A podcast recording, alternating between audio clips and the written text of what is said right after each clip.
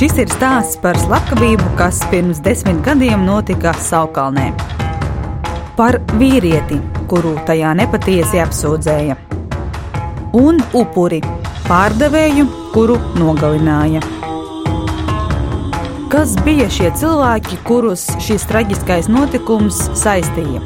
Kas bija Zinaida un Aleksējs? Mani sauc Zane Mače, un šis ir Latvijas radio ziņu dienesta krimināls stāsts. Slepkava brīvsolī.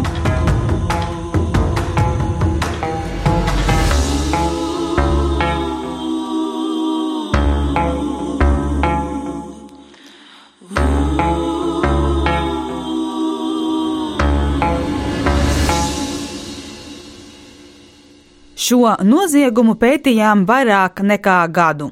Sākumā informācijas par upuri bija maz. Kas viņa bija? Kāpēc viņa strādāja veikalā? Es zināju, ka Zineida bija jau pensijas gados, Nu, tad brauc.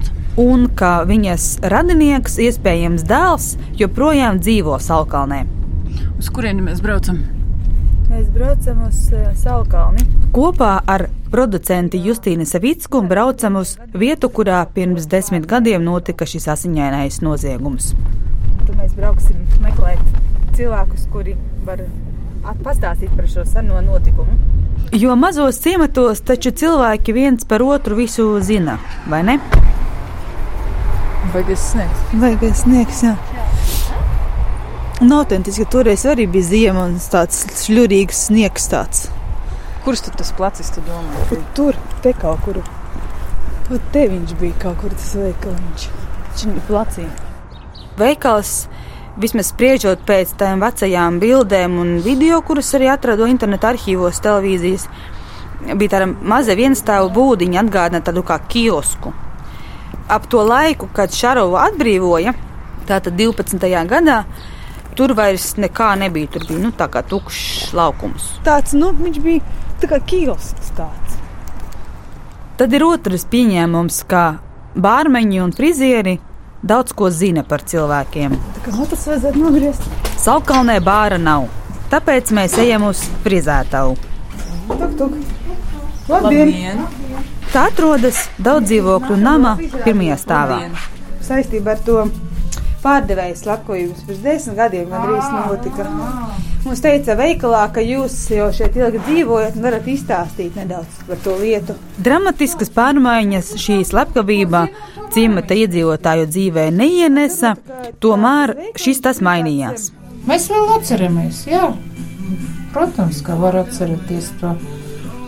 Ja būtu tur no sākuma, kad tas veikals stāvēja, tad bija kā pieminieklis, tad baili bija tagad. Un tas ļoti, ļoti ātri viņa aizvēra ciet pēc tās slepkavības. Jā, jā, tāpēc, ka neviens negribēja tur iet. Iet strādāt vai arī Mēs tā kā. rādāt, nepirkt, nu kaut kā ziniet, tā jau.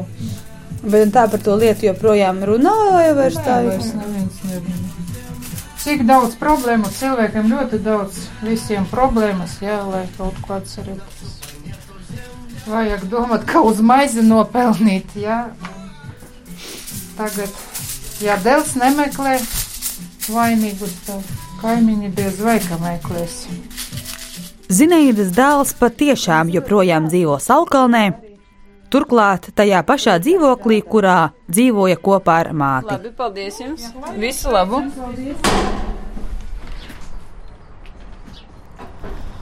Nu, nu, vismaz labi, ka viņš te ir, nav nekur aizbraucis kaut kāda Anglija vai Īrija. Labdien! Sveiki! Mēs esam no Latvijas radio. Mēs veidojam ierakstu saistībā ar daudziem gadiem notikušo jūsu mātes slepkavību. Mēs domājam, varbūt jūs grib- varat mums parunāt. Mm, Pārāk, pārāk daudz laika pagājis. Mēs es tikai tagad atnācu. Ne, nu, vienkārši mēs gribējām saprast, ka desmit gadi būs pagājuši. Vienkārši mēs interesējāmies, vai teiksim, jums ir kaut kādas ziņas par to, kā notiek tā izmeklēšana. Jo sapratām, ka tas vainīgais īstais nav atrasts. Mm, Es negribu runāt par vainu. Mhm, Labi, paldies.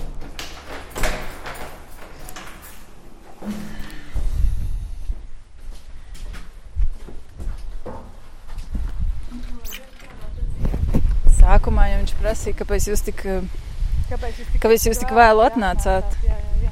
Ka tas jau ļoti sen bija. Man liekas, ka var pamēģināt atbraukt vēl kaut kad. Dēlu mēs tomēr vairs nesatiekam.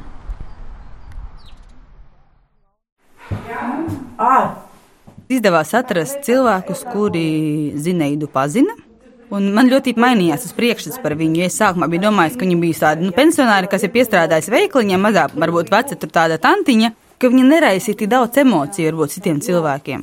Tagad viņa ir nomirusi, tad tur pēdējie dzērāji, kas ir veikalā gājuši, viņi arī tur nesuši naudu un nu, tā kā ļoti gribējuši no viņas atvadīties un tā.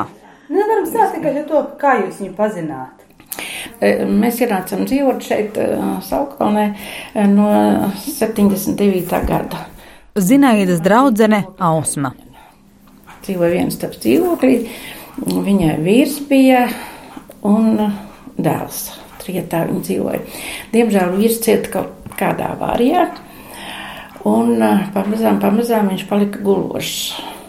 Eh, Līdz ar to viņai vajadzēja kopt vīru, rūpēties par dēlu, kuram tajā laikā bija apmēram trīs gadi. Un, protams, arī strādāja viņa. Viņa strādāja. À, viņa vispār visu mūžu kā nostrādājusi VFB.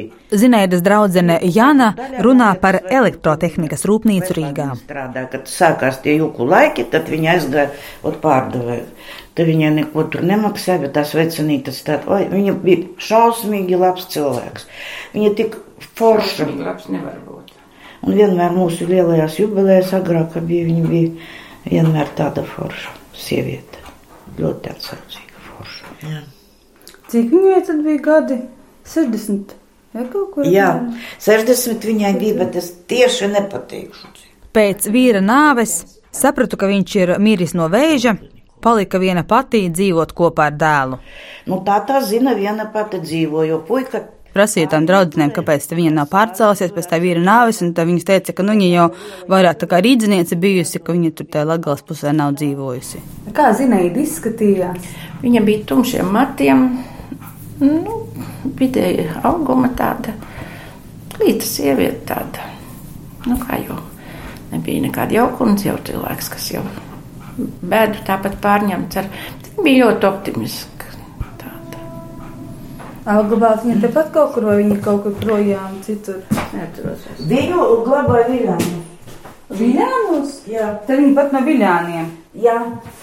Viņai tur māsa, viņa no Viljāniem, jā, viņai tur visi mamma apglabāta, viss. Par Zinaidas slepkavību tiesāja Alekseju Šarovu.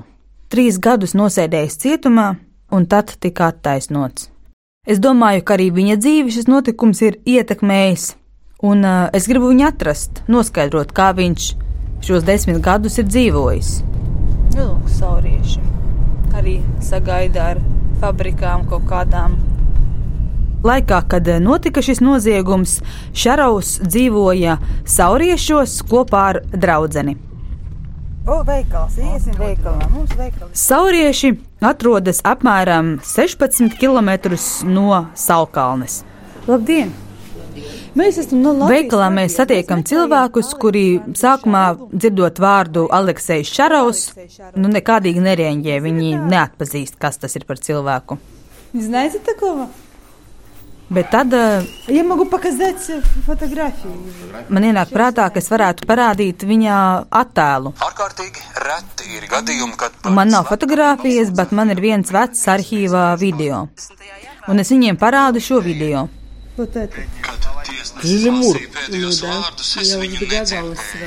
Viņi uzreiz viņu atpazīst un saka, jā, šis ir eh, Lemurs. Un tā ir viņa iesauka. Un tad sākas visādas versijas. Viņa bijušie kaimiņi stāstīja, ka viņš esot kaut kādā sociālajā rehabilitācijas centrā, kas piedrot kaut kādai sektai. какой-то, в общем, ну, секта, короче, так вот называется. Nu, tur dažādas versijas bija jūrmalā, tad tur bija Valmieras pusē, tad tur bija Tukuma pusē. Валмере. Вот там, вот там, в Валмере. Вот этот лемур там. Jūs zināt, kas tas varētu būt, kur tas Es atrodas? zvanīju Labklājības ministrijai. Jums no Latvijas radio. Es zvanīju dažādām iestādēm, kuras varētu reģistrēt šādas iestādes, un No galvas gan es ne. es neatradu tādu vietu, kur varētu viņš atrasties. Aleksējs, Aleksējs.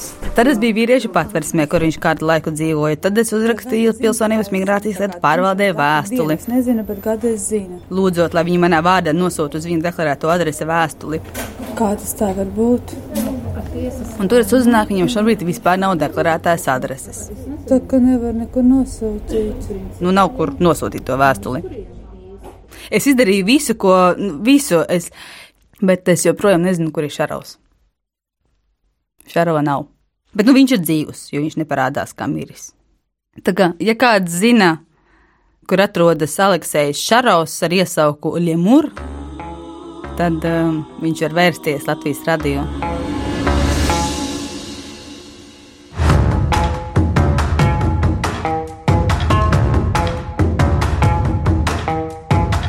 Esmu domājis par to, vai Aleksējs Šarovs ir slepkava, ir vainīgs šajā noziegumā vai nav.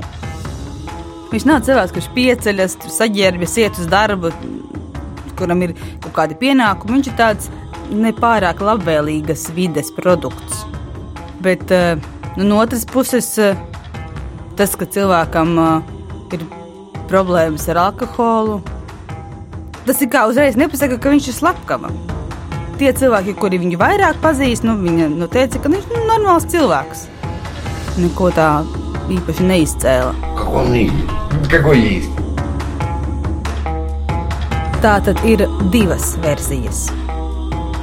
Viena, uz kuru balstās policija, ir tāda, ka viņa aizturēja īsto cilvēku, īsto slepkavu, tātad Šarovu. Gluži vienkārši beigās tam trūka pierādījumu. Tie bija krīzes gadi, Advokāts Atis Krievs ir pārliecināts, ka Šarovs nebija īstais slepkava. Diezgan bēdīgā stāvoklī uz to momentu. Advokāts domā, ka Šarovs iespējams bija vieglas upuris policijai. Tā kā bija tāds pusbonis, nu, tad arī viņu attiecīgi paņēma. Otrā versija par šo noziegumu ir tāda, Jā, tā varētu būt ka tas. Ka īstais slepkava ir nezināmais DNS īpašnieks. Tas, protams, ir pieņēmuma līmenī, vai ne? Bet Jebkurā gadījumā noziegums ir noticis. Zineida ir nogalināta, ir pagājuši desmit gadi, un slepkava joprojām ir brīvībā.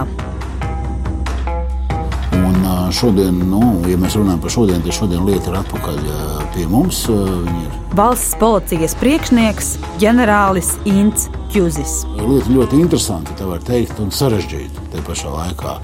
Ļoti sarežģīta, un tur daudz jautājumu, uz ko jāatbild. Viņš atceras šo noziegumu un saka, ka tie policijai bija ļoti grūti gadi, tas bija krīzes laiks, un daudzi policijas darbinieki aizgāja prom no darba. Es arī painteresējos un paskatījos, ka tur tiešām ir diezgan daudz kas izdarīts vēl pēc tam. Un es domāju, ka tur nevar teikt tā, ka tur viss gali ir ūdenī un viss ir pazaudēts. Tā nav. Tā nav, un, un es domāju, ka šajā lietā noteikti vēl, vēl, būs, ā, vēl būs turpinājums.